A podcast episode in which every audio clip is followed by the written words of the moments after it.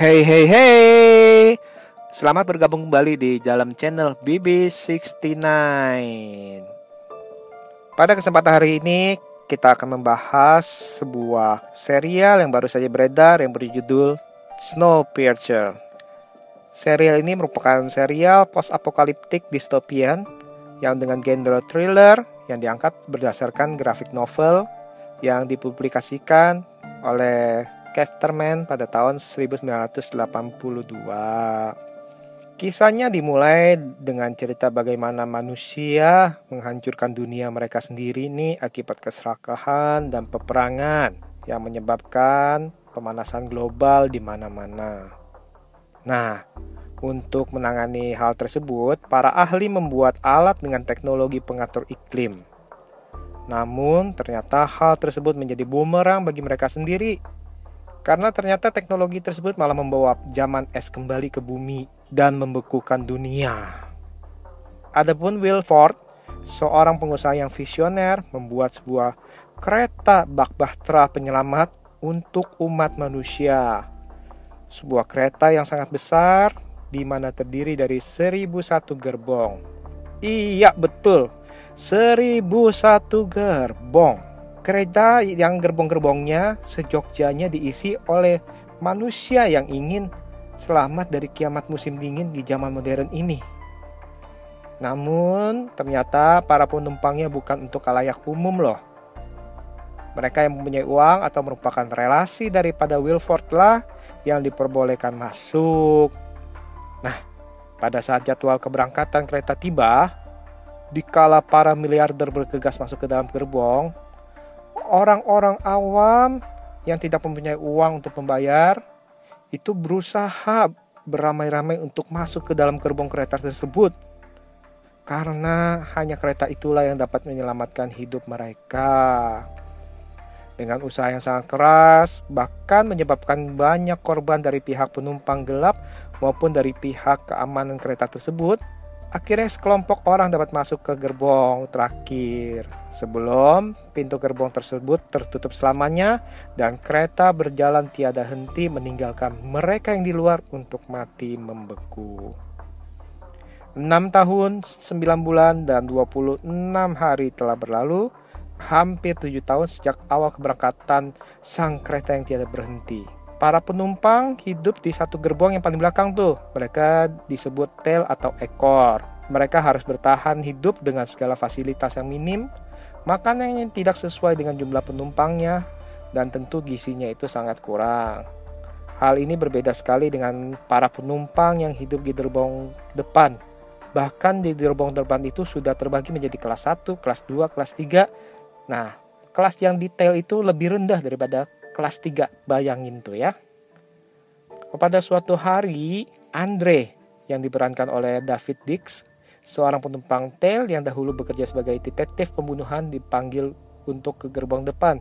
Nah, di sana ia bertemu dengan Melanie yang diperankan dengan baik oleh Jennifer Connelly yang berkedudukan sebagai head hospitality dari kereta. Adapun ternyata maksud dan tujuannya adalah untuk meminta Andre menyelidiki kasus pembunuhan yang cukup sadis di gerbong depan nih. Pembunuhannya ternyata kali ini adalah kali yang kedua. Maka mulailah petualangan Andre dalam memecahkan kasus pembunuhan yang ternyata merupakan topeng juga atau strategi dari Andre untuk mengumpulkan data agar bisa melakukan revolusi kaum penghuni gerbong tel untuk merebut atau untuk masuk ke dalam gerbong depan. Menonton serial ini jujur aja otomatis mempunyai refleks dengan untuk membandingkannya dengan film layar lebarnya yang sudah tayang tahun 2013 itu. Dan selain itu ada kemungkinan nih kita menaruh ekspektasi yang tinggi dan mengharapkan bahwa serial ini akan melebihi kualitas dari film layar lebarnya. Minimal sebandinglah kualitasnya. Jujur, hal ini juga nih yang membuat saya khawatir nih.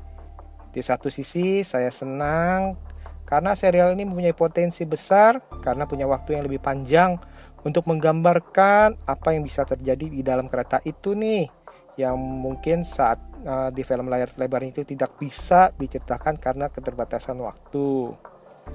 Namun di sisi lain, saya agak takut Karena bila tidak didukung oleh cerita atau skenario yang padat dan berkualitas, film ini atau serial ini malah sepertinya mencari-cari topik memperpanjang cerita tanpa arti. Tapi saya tetap percaya serial ini akan menjadi tontonan yang menarik nih. Untuk saat ini kan baru dua episode nih. Ada beberapa hal yang menarik nih. Ya, seperti yang pertama, premis di mana manusia harus bertahan hidup dalam satu kereta nih di mana ternyata ada satu gerbong terbelakang yang diberlakukan dengan berbeda. Hal ini sebenarnya di satu sisi itu adalah adil. Kenapa? Karena mereka penumpang gelap, tidak seperti penumpang di depan. Namun di sisi lain mereka adalah sama-sama manusia loh. Dan di zaman kiamat ke musim dingin itu, ya manusia harusnya itu punya perasaan dan empati dan mereka itu mungkin aja karena tidak mempunyai harta atau kenalan seperti penumpang lain aja yang di depan sehingga mereka terpaksa nih mereka terpaksa kok menjadi penumpang gelap. Ditambah lagi gerbong kereta ini yang berjumlah 1001 ini merupakan hal yang bisa atau berpotensi untuk dieksplor lebih lanjut nih. Di mana mereka kan punya fungsi uh, dari ruangan-ruangan gerbong-gerbong tersebut nih uh, punya fungsi sendiri-sendiri terus mempunyai permasalahan sendiri-sendiri bahkan misteri sendiri nih ini cukup menarik nih karena sudah sekilas uh, udah ada beberapa ruangan dieksplor di, di serial ini Nomor dua, di dalam kereta ini permasalahan yang ada itu dianggap karena tidak terjaganya keseimbangan antar penumpang di dalamnya. Sehingga memang harus ada tatanan dengan hukum yang cukup keras untuk menjaga, memberi contoh, atau menakuti para penumpang nih. Hukuman yang cukup eksplisit penggambarannya seperti amputasi tangan dan juga hukuman laci tidur sebenarnya cukup dapat dimengerti karena mereka beralasan untuk menjatuhkan hukuman kepada yang bersalah atau memberi contoh agar yang lain itu tidak melakukan yang hal yang sama. Dan penggambaran yang tadi itu saya bilang itu cukup eksplisit itu untuk memberikan penggambaran kepada para penonton kepada kita ini bahwa hidup di zaman mereka itu adalah kehidupan yang keras. Nomor tiga, kasus kanibalisme yang awalnya untuk bertahan hidup ini dan dengan adanya sekte di dalamnya itu juga bisa nih bisa membuat cerita ini atau serial ini dapat dikembangkan lebih jauh lagi nih. Nomor empat, semua penumpang seharusnya mempunyai peranan masing-masing untuk keterlangsungan kereta tersebut dari pekerjaan tukang sapu, tukang masak, sapam hingga pengawas yang mana mungkin bisa sebagai ganti ongkos hidup mereka. Dan hal itu cukup masuk akal nih untuk diterapkan di dalam cerita ini.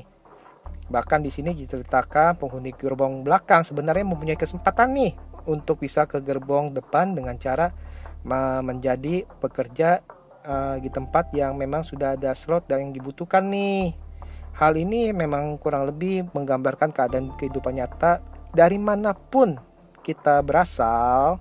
Itu bila kita mempunyai potensi dan melihat itu ada kesempatan, kita harus bisa mengambil dan menggunakan kesempatan itu dan otomatis harus bisa mengembangkan potensi yang sudah ada di dalam diri kita. Nah, karena serial ini baru dua episode, sehingga para karakter yang ada ini masih belum tergali dengan dalam. Dan masih meraba-raba nih fungsi dari tokoh-tokoh lain selain sang tokoh utama apa nih? Yang paling bersinar ya siapa lagi kalau bukan Jennifer Connelly nih? Kita bisa melihat aktingnya baik dari dialog bahkan dari gerak bahasa tubuhnya itu sangat cukup apik. David Dix di sini masih belum terlihat karismanya sebagai pemimpin. Tapi saya optimis nih dengan perlahan-lahan namun pasti nih pasti akan muncul sesuatu dari dirinya nih. Overall, uh, serial ini cukup menjanjikan dan layak untuk ditonton. Oh ya, jangan lupa uh, follow podcast kami di BB69. Baik itu di Spotify, di Anchor, di Google Podcast, dan di channel YouTube kami. Selain itu, di IG kami di @babibuntel69. Oke, okay, see you.